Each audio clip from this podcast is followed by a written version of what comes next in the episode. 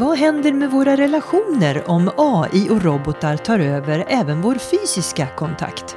Och hur kommer vårt samhälle se ut när arbetsmarknaden domineras av 90-talisterna? Kort sagt, hör mitt möte med ett riktigt smart ass, bara i hjärntillskott med Lydia.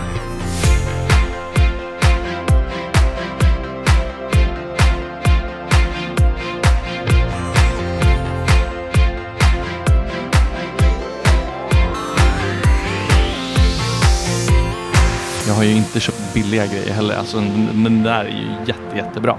Eh, alla använder ju den där zoomen. Det här är min studio. Det där är din studio. Jag har liksom en stor resväska och typ så här, ja, nej det är, jag måste, jag måste köpa en sån. Men du, du, du måste bo, bo väldigt stort då om du har eh, plats att ha en studio hemma?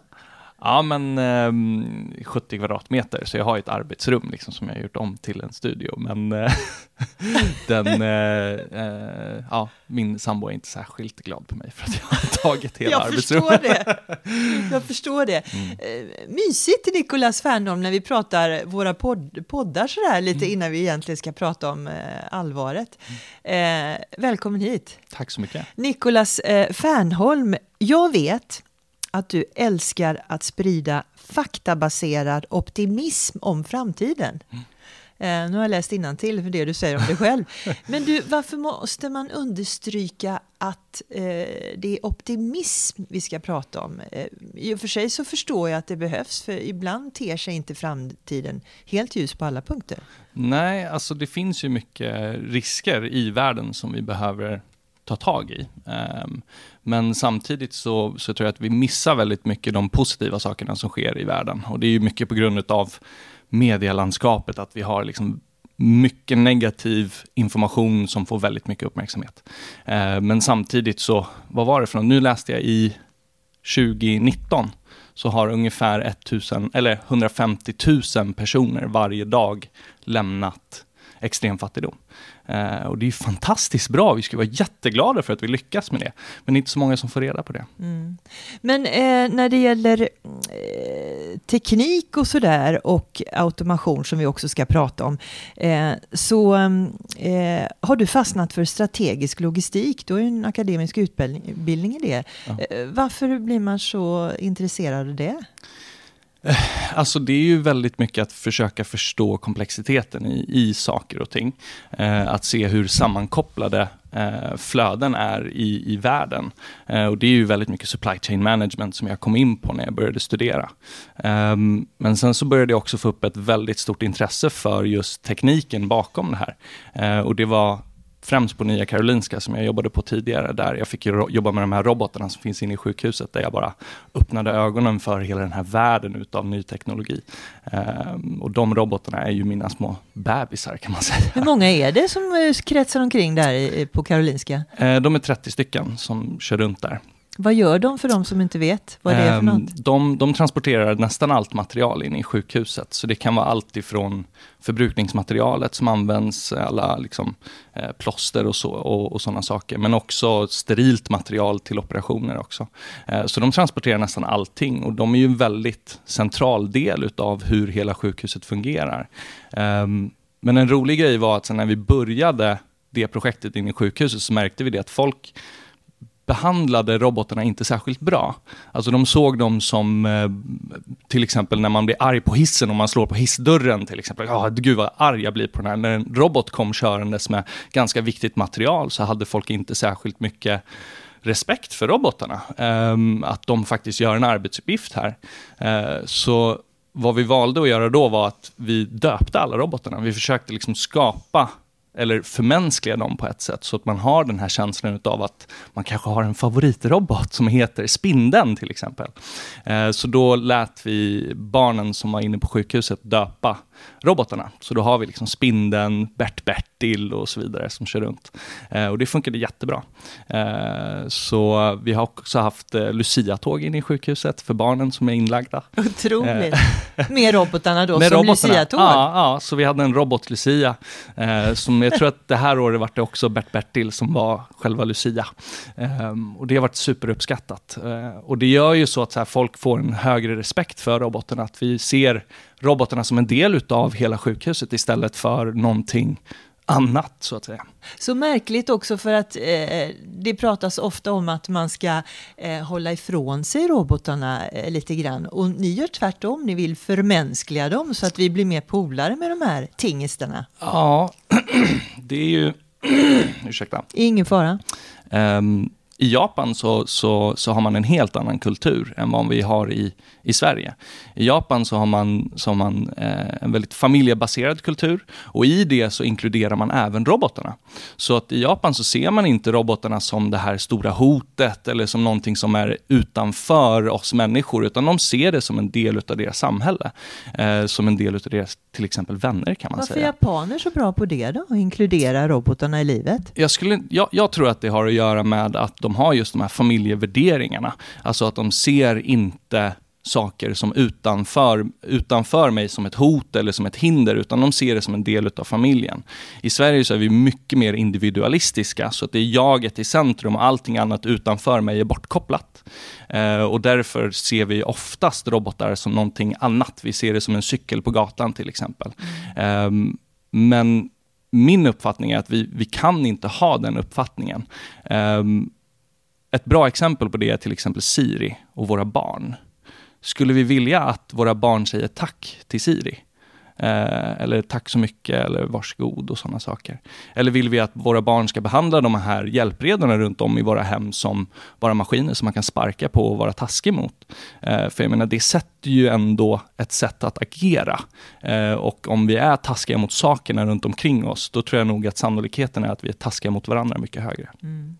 Eh, men eh, om man då helt enkelt gör så här att man eh, fokuserar på att acceptera hela den här utvecklingen och bring it on, allt med automation och mm. robotar, då kan vi kanske börja fokusera på riktiga saker. Och vad skulle då det vara, tror du? Så, så säg att vi, vi automatiserar de här simpla uppgifterna som finns i vårt samhälle. Det som kvarstår är ju komplicerade och komplexa uppgifter. Um, och komplexa uppgifter, att hantera dem är väldigt svårt. Uh, det är just därför de är komplexa. Uh, och det är till exempel eh, ett ekosystem, är ett komplext system. Um, och det som definierar det är oftast att vi inte förstår hur alla agenter i systemet agerar tillsammans. Så att om vi går in i en skog och tar bort alla grodorna, så har vi ingen, idé, ingen aning om vad det kommer få för följdeffekter i den skogen efter bara några år. Um, så, så att lära oss att agera i de här komplexa systemen, eh, det kommer vara A och O för att kunna hantera framtiden. Och det, det gäller också att företag förstår att vi är på väg emot att arbeta med mer eh, iterativa processer där vi testar oss fram hela tiden, där vi agerar i komplexa system. Eh, och då att egentligen lämna det här simpla ramverket utav en hierarki där du har den här tydliga chefen som pekar med hela handen och säger gör det här tusen gånger det kommer inte vara framtiden. De, de uppgifterna kommer att automatiseras, de kommer inte finnas kvar. Vi behöver ingen chef som pekar med handen och säger gör saker tusen gånger. För de tusen sakerna görs av en robot. Det vi behöver fokusera på är hur kan vi skapa en kultur där vi tillåter personer att vilja utvecklas, att vilja testa saker och att kunna göra det på ett självorganiserande sätt oftast. Och med allt detta som bakgrund så ser jag dig också lite grann som en reklampelare för din egen generation. Mm. Eh, du är inte 30 fyllda ännu va? Jag fyller faktiskt om eh, två och en halv vecka. 30. Okej. Okay. Ja. Jag är lite åldersnoja faktiskt. Har du det? För att fylla 30? Ja, men lite grann. Jag, jag känner ändå uh, lite grann faktiskt. Säger jag som, eh, ja inte dubbelt så gammal, men vad har du, alltså vad, vad grundar sig den nojan i? Eh, alltså jag, jag, jag tror innerst inne så har det med eh, en, en oro inför att dö en, en, en liksom realisation av att man blir äldre. Jag har börjat liksom skada min kropp mer och mer. Jag klättrar väldigt mycket, jag älskar att klättra. Men det är en väldigt liksom skadebenägen eh, idrott. Så, så där har jag skadat mig ganska mycket och märker av att jag läker inte lika snabbt som jag gjorde för 5-10 år sedan. Och det liksom börjar liksom bli en verklighet för mig att den här kroppen är inte för evig. Eh, och det är, det är inte en eh, särskilt rolig eh, sak att känna. Mm. Men jag tror ändå att den är ganska hälsosam att, att komma till termer med. Mm. Jag, tror, jag känner igen mig i din beskrivning, jag själv var i din ålder, att man ville göra saker som man kände sig extra levande. Och mm. bara för det så gjorde man ännu konstigare saker. Jag tog motorcykelkörkort plötsligt och skulle köra enduro, jag vet inte, allt möjligt jag hittar på för att känna mig levande och eh, nyttja kroppen nu när den funkar som bäst. Liksom. Ja. Eh, men det var ju inte det vi skulle prata om egentligen. Men du, men, du, okay, men du är ändå bra reklampelare för din generation. För jag har ju hört dig ofta säga att eh, ni som är runt 30, ni kommer verkligen dominera eh, arbetsplatserna och gör det ganska snart. Mm. Eh, eh, och då måste man ju tänka på eh, hur man fångar in er. Men jag vänder på mm, kronan här här och säger, men vad kan ni göra för arbetsgivarna då? Ni som är så unga och eh, inte har så mycket erfarenhet ännu. Mm. Um, så, så vi är ju en av de mest välutbildade generationerna någonsin. Där, där fick jag så jag teg. uh, så, så det kommer ju in en väldigt kompetent arbetskraft nu. Uh, och inte bara det, utan den här, den här generationen har ju växt upp med väldigt förändliga omgivningar. Vi har haft nya datorer varenda år, vi har haft nya mobiler varenda år, vi har lärt oss nya operativsystem, vi, vi har lärt oss att programmera, vi, vi har sett alla de här utvecklingarna ske och följt med utvecklingen. Så att, en, att att förändras är en del av sättet vi är, skulle jag säga. Eh, och det är just det som företag behöver nu när teknologin rör sig i en hastighet som den aldrig har gjort förut. Vi behöver ha ett sätt att faktiskt förändras som företag mycket snabbare än vad vi har varit tidigare. Och då att kunna attrahera de här unga personerna är A och O för att kunna klara av det. Eh, men då måste man också inse att vi vill inte komma in på en arbetsplats där det finns ett 20-årigt gammalt ERP-system eller eh, en gammal traditionell hierarki där någon pekar med hela handen och säger att nu ska vi göra så här, även fast det kanske inte är rätt lösning. Mm. Du, eh, eh Hjärntillskott med Lydia, den här podcasten vi sitter och pratar i nu, har ju väldigt bred publik. Vad är lämpligast att prata om eh, i termer av framtid? Ska vi prata om hur vi ska agera nu om, för att det ska bli bra om tio år? Eller ska vi prata om hur vi ska agera, hur det ska bli om 15 år? Alltså vad är det för perspektiv man måste förhålla sig till? Um, jag tror nog att, att um, ett bra perspektiv att hålla sig till är ungefär 5-10 års mm. sikt framöver. Um, ofta sådana exponentiella uh, trender uh, dubblas varje uh, sju år om det har en 7-procentig ökning varje år, vilket vårt samhälle verkar ha. Vi verkar gå 7% plus. Det är det som företag oftast har som mål. Um, och då att se egentligen, klarar vi av en dubbling inom sju år? Behöver vi dubbla inom sju år? Um, och jag menar teknologin som, som underligger, eller som egentligen skapar all den här utvecklingen, eh, den behöver vi faktiskt hålla ett öga på också. För att den vill inte alltid oss väl. Um, så att jag, jag, sitter inte här och liksom förespråkar att vi ska bara använda teknologi och robotar ska ta över allt, utan det finns också risker som vi behöver hålla koll på. Uh, och det här är ju det är lite svårt för människor att göra idag, har jag märkt. Och det är någonting som jag pratar om också i mina föreläsningar, att hålla två idéer i huvudet samtidigt. Vi är i en väldigt polariserad samhälle idag, där du tycker A eller du tycker B. Eh, och vi måste kunna se nyanserna i saker och ting. Vi måste kunna se att framtiden har fantastiska teknologier som kommer skapa fantastiska saker. Men vi måste också vara väldigt medvetna om riskerna med det också. Eh, för att tala klarspråk, menar du när the bad guys får tag i, i teknik som de använder på fel sätt? Ja, eh, vapeniserat AI till exempel, eh, riskerna med AI. Eh, vi måste också veta om att det kommer en, en, arbetslöshetsfråga när man börjar automatisera och vi måste hantera den. Eh, men så som jag ser på det är att de positiva effekterna, de, den samhällsnyttan som kommer med att vi automatiserar fordonsflottan till exempel, eh, kommer leda till att vi har resurser, vi har styrkan att faktiskt kunna hantera de negativa effekterna som det också tar med sig. Mm. Eh, men vi måste börja prata om de frågorna och jag har varit jätteledsen när det inte pratades om under valet. Jag hoppas att det görs nästa år, mm. eller när, nästa val. Ja, nu lever vi i en tid där man via drönare faktiskt kan attackera eh, eh viktiga eh, mål och individer. Ehm, eh, och jag tror det här kommer bli en, någonting man måste prata om, speciellt när man pratar om försvar och sådär. Tror du inte det? Ja, och försvaret är ju väldigt intresserade av sådana här frågor, speciellt i, i, USA och i Ryssland. Um, och och sådana här system används ju redan idag. Um, och det är ett problem som vi alla tillsammans måste komma överens om. att så här, Ska vi verkligen göra det här? Vill vi verkligen gå ner den, den vägen? Eller vill vi kanske se eh, världen som egentligen en helhet? Vill vi se det är som att så här, okay, men vi, vi på den här planeten tillsammans, vi har globala utmaningar som vi behöver ta oss an. Um, istället för att se att de här lokala egentligen grupperna ska egentligen slåss emot varandra. Um, vi behöver nog ett större perspektiv, ett perspektivskifte, ett paradigmskifte snarare än att sitta och, och agera så som vi alltid har gjort. Mm. Eh, det är väl kanske den förhoppningen man kan ha då när eh, en generation med dina tankar eh, faktiskt kommer att finnas på rätt många viktiga positioner snart. Eh, så man kan förändra det. Ja, nu ler du med hela ansiktet. Ja, men, men, det är ju Finlands, eh, de har ju liksom tre stycken tjejer som är under 35 eller vad det är, som mm. nu liksom styr landet. Och det är ju fantastiskt, mer sånt. Ehm, men, eh, men eh, ja, Eh, jag hoppas att de är visa också. Eh, för jag menar, det finns ju också en, en, en, eh, ett behov av att se vilka traditionella strukturer som vi har haft i 600-700 år är bra, som vi ska behålla.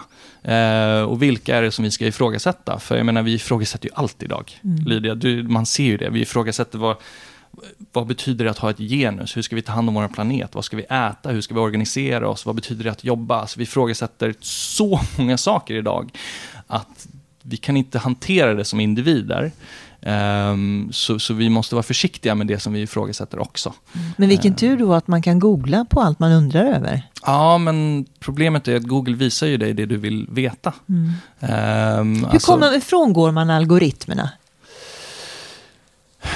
Um, det är väldigt svårt att göra. Uh, det finns mycket mediatjänster som, som ger dig Ehm, båda sidorna av eh, storyn. Eh, så då har de två olika team i, i medieteamet. Ena som har en, en mer konservativ syn på nyheterna och den andra som har en mer kanske liberal eller eh, vad ska man säga, i Sverige så blir det väl eh, socialdemokratisk syn på, på, på nyheterna. Och då skriver de varsin artikel om det här nyhetsfenomenet. Och då kan du läsa båda. Så får du båda sidorna av storyn.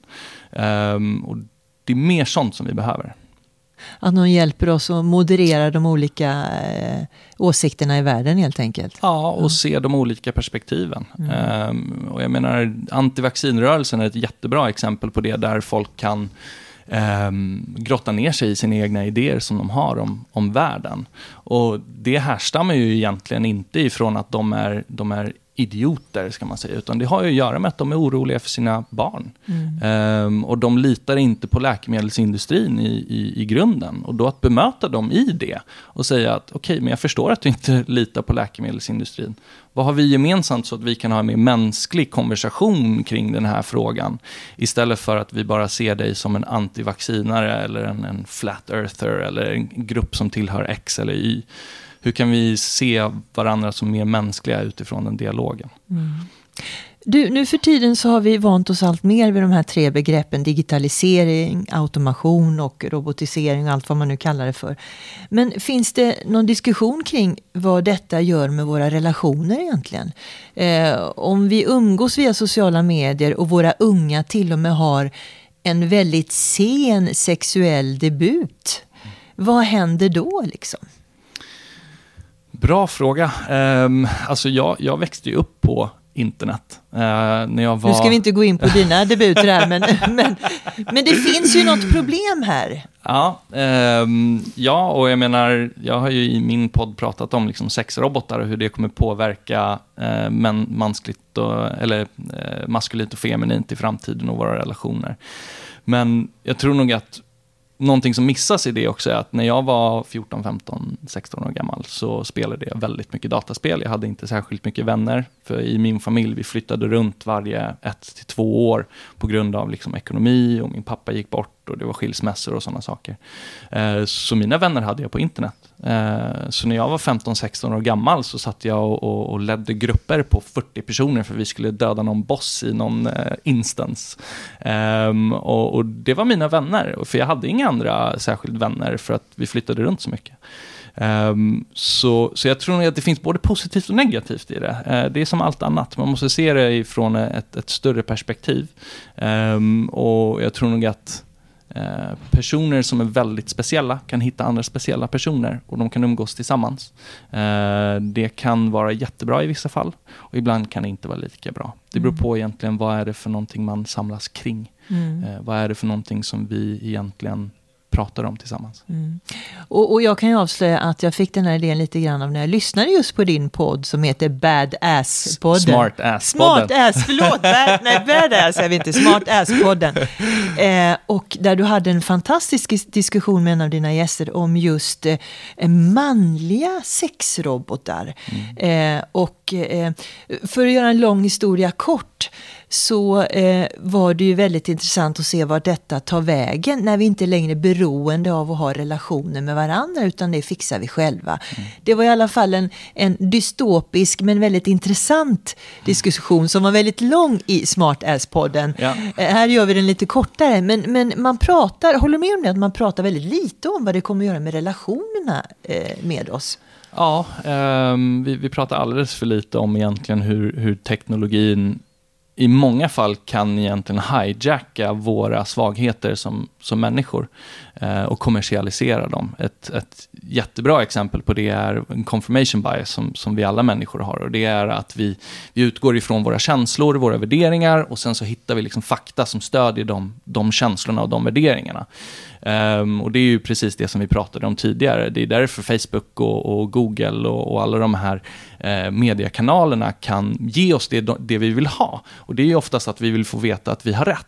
Och då skapar man de här bubblorna kring värderingar och känslor.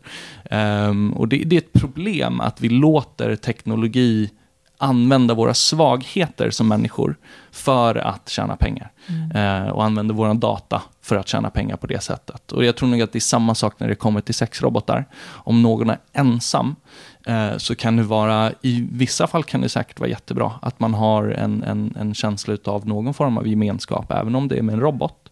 Mm. Eh, men till vilken nivå? Eh, ska vi tillåta folk att låsa in sig i sina rum, så som det som händer i Japan? De har ju en miljon män som saknas i Japan för att de är inlåsta i sina sovrum. det är helt otroligt. Ja. Eh, eller ska vi försöka skapa ett samhälle där vi faktiskt värderar våra relationer mer? Mm. Um, och Sen tror jag nog att vi kan ha relationer med robotar också. Jag tror inte det är någon egentligen större fara, så länge som vi inte låter det gå överstyr. Och vem ska bestämma den gränsen? Ja, det är mycket som är kvar att, att, eh, att prata om. Jag tänker, när du själv eh, föreläser som du gör mycket nu, eh, vad är det företag, om vi går tillbaka till den, eh, eh, det området, vad är det de är mest okunniga om, tycker du? Okunniga? Ja. um, det är väl egentligen hur snabbt framtiden kommer att komma. Um, varje gång som jag pratar med företag och föreläser för dem så, så pratar jag om liksom hur, hur snabbt estimaten är att, att teknologi kommer utvecklas framöver och det är samma eh, häpnande eh, eh, liksom chock när man, när man ser hur snabbt framtiden kommer att röra sig. Kan du ge ett exempel på det, hur snabbt det kan förtydligas? Eh, ja, jag har, jag har ett exempel. Så, så säg, att, eh, säg att vi har en bakterie eh, och den här bakterien dubblar varje minut. Så en blir två, två blir fyra, fyra blir åtta och så vidare. Eh, och sen så tar vi den här bakterien och vi stoppar in den i en tom flaska klockan 11. Eh, och den dubblar varje minut från 11 till 11.01 så dubblas den och sen så 11.02 så dubblas den igen. Och sen klockan 12 då är flaskan helt full med bakterier. Nu, nu är det lite mattefråga här Lydia, men när i tiden är flaskan fylld till hälften? Oj. Orkar inte ens. Nu blir 11.59 så är flaskan fylld till hälften med bakterier. För att en minut senare då dubblar ju alla bakterier igen och då är ju flaskan full. full ja. eh, så frågan blir då egentligen som man kan ställa sig är ju när, om du vore en bakterie i flaskan, du satt där i flaskan med dina kompisar, när skulle du uppmärksamma att du hade ett kapacitetsproblem i flaskan? Mm. Man gör ju inte det. Man, man kanske vid 58 så är flaskan fylld med 25 procent och man kollar, ah shit, vi kanske borde skaffa en till flaska. En minut senare då är flaskan halvfull, så man kanske skickar ut en massa spanare och hittar tre till flaskor och då tänker man, vi är safe, vi har ökat vår kapacitet med 300 procent. En minut senare så är första flaskan full. En minut efter det så är andra flaskan full. En minut efter det så är alla fyra flaskor fulla. Det är så snabbt som framtiden kommer att komma. Eh, och vi måste förbereda oss för den framtiden. Sen blir det lite hjärnkrock här nu när man tänker sig själv som en bakterie, för bakterier vill man ju inte ska få fler flaskor att leva i. Men så snabbt menar du att eh, vi kommer att vara torsk på mm, kapacitet helt enkelt? Um, inte bara kapacitet, utan det har ju snarare att göra med hur mycket information det finns i, i världen. Uh, vad vi kan använda den informationen till. Um, hur de här teknologierna kommer att spela med varandra. Uh, när till exempel AI och drönare utvecklas tillräckligt långt för att man kan använda dem tillsammans uh, på ett bättre sätt än vad man gör idag. När robotik och AI utvecklas längre än vad de har kommit idag och då kan man börja använda dem tillsammans. Men du, den här utvecklingen, det har man väl ändå förstått nu att det går fort. Eh, och, och du säger att det är häpnadsväckande hur få eh, som är insatta i hur fort det går. Vad får detta för konsekvenser att vi inte fattar hur fort det går? Eh, att vi inte rör på oss tillräckligt snabbt. Eh, att vi inte testar tillräckligt snabbt. Att vi inte vågar eh, arbeta med eh, AB-tester. Ehm, att vi inte ser att liksom, eh, business as usual funkar inte något mer. Eh, det kommer inte att funka något mer. Eh, så, så det måste vi vara medvetna om, att vi är på väg in i en framtid som rör sig mycket, mycket snabbare. Eh, Det kommer aldrig gå så sakta som det gör idag. Eh, finns det någon eh, koppling mellan eh, alla ni som är den generationen och är välutbildade och kommer naturligtvis vara väldigt eftertraktade och eh, eh, alla de som är betydligt äldre och att de är väldigt många? Ja, alltså eh, när den här nya generationen börjar, eh, eller har, redan har börjat komma in på arbetsplatser, så finns det ju liksom ett, ett, ett gap i kunskap hos den generationen när det kommer till, ja, men, hur sitter man i ett möte, till exempel? Vad, vad har vi för syfte i det här mötet? Vad ska man säga? Vad ska man inte säga? Eh, hur, hur spelar man det politiska spelet? För det är ändå en verklighet som vi lever i, att vi, vi har med människor att göra och då behöver vi kunna det spelet tillsammans. Det är någonting som vi oftast inte kan. Eh, men den äldre generationen, generationen kan det. De är ju veteraner när det kommer till det här spelet. De går in i ett mötesrum och vet exakt vad de ska säga och exakt hur jag ska säga det. Så där finns ett mentorskap som vi behöver skapa. Där vi får guidning i hur man har de relationerna och hur man håller i de mötena. Men samtidigt behöver vi ett omvänt mentorskap där också. Där den äldre generationen oftast behöver ganska mycket hjälp när det kommer till teknologin också.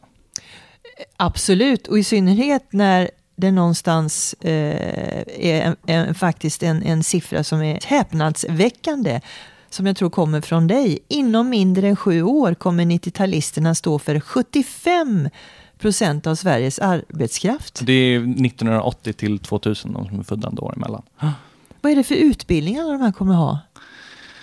Eh, Är det bara teknologi vi pratar om eller? Nej, gud nej, utan det är ju eh, allt ifrån humanora till, till teknologi, till ingenjörer och så vidare. Ehm, så, så vi kommer ju vara en, en enorm del av arbetsmarknaden inom, inom väldigt kort tid. Ehm, så, så det här är ju någonting som man måste förbereda sig för och det är ett värderingsskifte som sker på arbetsmarknaden. Ehm, vi, vi, vi vill ju inte samma saker som tidigare generationer har, har velat på arbetsmarknaden, utan vi kommer ju vilja ha väldigt mycket meningsfullhet, skulle jag säga. Ehm, vi vill känna att det vi gör skapar en positiv inverkan på världen. Ehm, så, så det är någonting som många företag behöver kolla på. Vad, vad är det för positiv inverkan vi har? Eh, varför finns vi? Vad är det för någonting vi ska, vad är det för värld vi vill leva i egentligen i framtiden? Ehm, Och vad motiverar att gå till jobbet varje dag? Ja. Eller om man nu ska gå till jobbet, man kan faktiskt jobba överallt ja. till slut. För de här överlevnadsvärderingarna som har funnits tidigare, att, att liksom du ska arbeta för att ha mat eh, på bordet och, och, och, tak över huvudet. Eh, de överlevnadsvärderingarna börjar liksom samhället lämna. Eh, och vi börjar gå in i nya värderingar som mer handlar om så här, varför jobbar jag? Vad är det jag vill uppnå med mitt liv? Och då landar man nästan alltid i att jag vill skapa en bättre värld imorgon än vad det, vad det är för sorts värld som finns idag.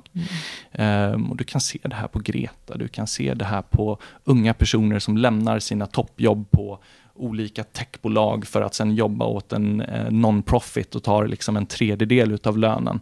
För att de känner att jag vill skapa en bättre värld. Eh, och det tycker jag är fantastiskt och det är en del av varför jag är så jäkla optimistisk inför framtiden. är för att jag ser det här värderingsskiftet ske där vi försöker att skapa en bättre värld snarare än att det är mina egna eh, fickor som ska fyllas. Mm. Eh är det någonting vi inte kan automatisera eh, slash robotisera? Vi har ju till och med pratat om eh, mänskliga drivkrafter som kan tillfredsställas med robotar. Men vad kan man inte automatisera? Um, det beror ju på vilken tidshorisont vi pratar om också. Men um, många mänskliga relationer är fortfarande inte alls i närheten av att kunna automatisera. Um, mycket som har att göra med finmotorik. Uh, är väldigt svårt att automatisera. Um, och, och, så jag tror nog att det är väl de två främsta sakerna. Uh, Vet du vad jag tänkte på vadå? när jag ställde frågan? Uh, idrott. Kommer vi att tycka det är lika intressant att titta på idrott om det är robotar som kör? Ja, men gillar vi att kolla på Nascar? Behöver du vara en förare i Nascar-bilen för att det ska vara intressant? Ja, bra. Bra, bra. Eh, men det, det tål ju att tänka på. Ja, det tål att är tänka inte på. själva grejen att man ju ser den mänskliga prestationen tävla mot en annan mänsklig kropp? Eh, ja, det, utan att involvera robotar. Jo, men det, det är ju fascinerande att se vad, vad människor är kapabla till att göra. Um, och jag menar när, när en, en, en idrottare slår ett nytt rekord så är det jäkligt fascinerande att se hur snabbt andra personer också slår det rekordet efter den personen. Mm. För att det krävs bara en person att visa att det här är möjligt att göra nu. Man trodde tidigare att det här inte var möjligt, men nu kan vi göra det. En person har gjort det och då kommer det liksom en hel drös efter dem. Så att, att se den mänskliga prestationen är ju fantastiskt. Men jag saknar lite grann alltså robotprestationen. Det finns ju robotfotboll och sådana saker som inte alls får lika mycket uppmärksamhet. Och det är väl kanske för att de ramlar ner för det mesta. det går inte så bra. Men när det börjar faktiskt ta fart, alltså robotfotboll, skulle jag jättegärna kolla på. Det skulle vara superhäftigt. Alltså, jag tycker ju inte det. jag kan inte hur roligt att se killarna och tjejerna spela, se dem svettas på riktigt. Men det är fascinerande. Sen behöver inte det här vara en generationsfråga, det kan väl bara vara smak och tycke. Men eh, lite eh, drog jag upp idrotten för att det är ju faktiskt fascinerande, Nikolas. Jag har ju haft även din bror Erik Fernholm som poddgäst. Eh, och eh, eh, känner att ni har väldigt många gemensamma nämnare. Ni brinner för saker och ting båda två.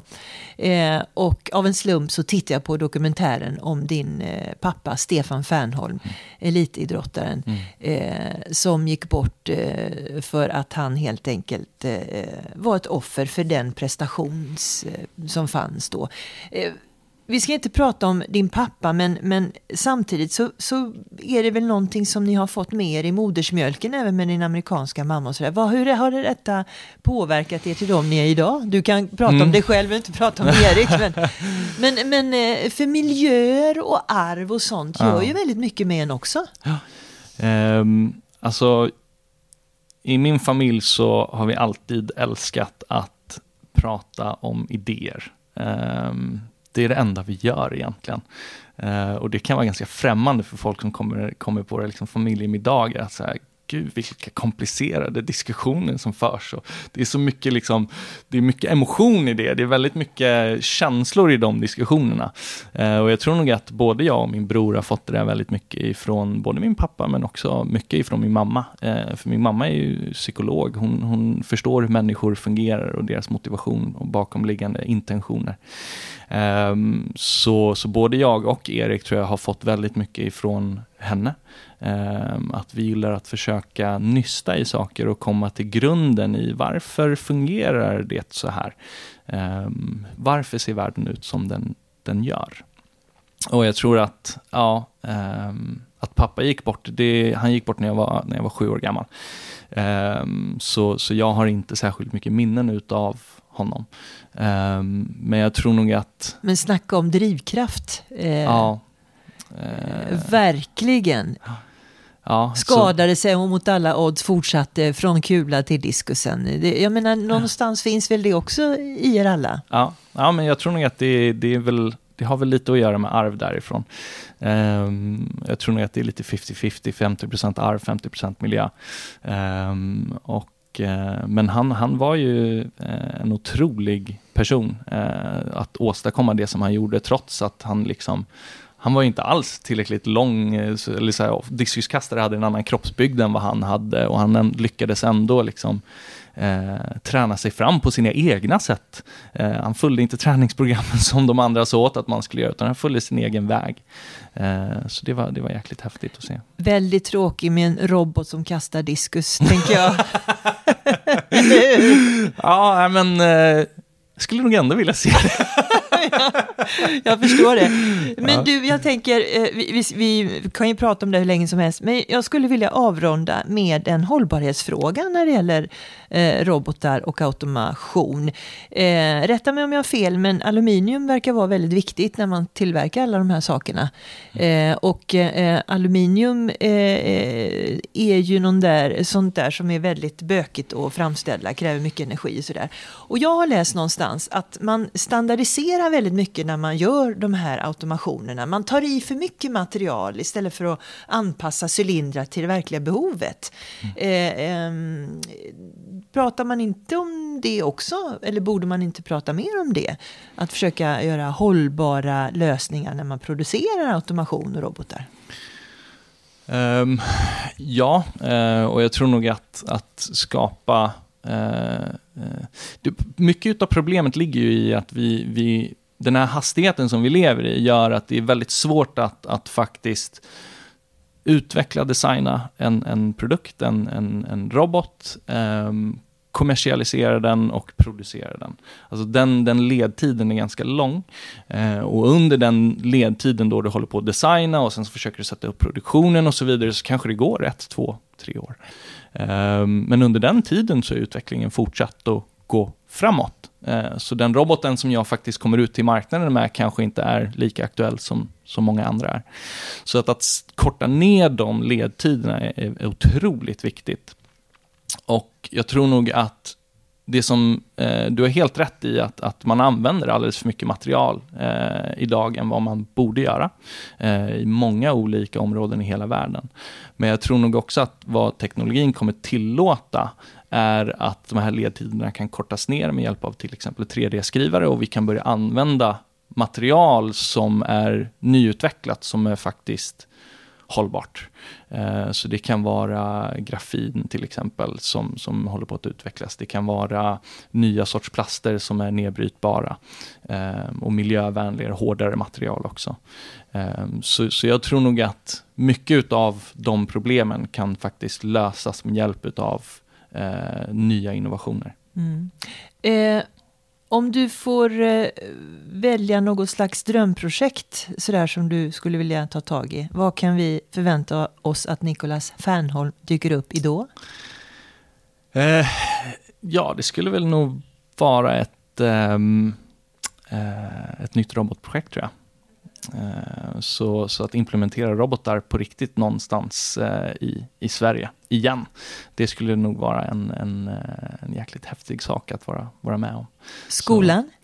Så, skolan kanske. Ehm, jag skulle ju hellre vilja få ut dem på, på våra gator, alltså så att folk får interagera med dem och, och försöka återigen skapa en, en, en bättre synsätt på robotar än vad vi har idag. En... Vet du vad jag tänkte på nu? Robot robotiserade p-vakter. jag vet inte varför. Tänkte, det är ett jobb som kanske inte alla gillar att ha, men som Nej. måste finnas. Nej, men där tror jag nog att de skulle nog få ganska mycket strykdäng på gatorna. men en robot som man tycker om, vad skulle det vara? Turister som får hjälp av eh, vandrande robotar där de kan fråga allting, eller vad? Ja, tänker du då? Eh, eller transportera material, transportera hämt, eh, hämtmat, eh, leverera hem mat till exempel, ehm, eller varor, paket, ehm, sådana saker.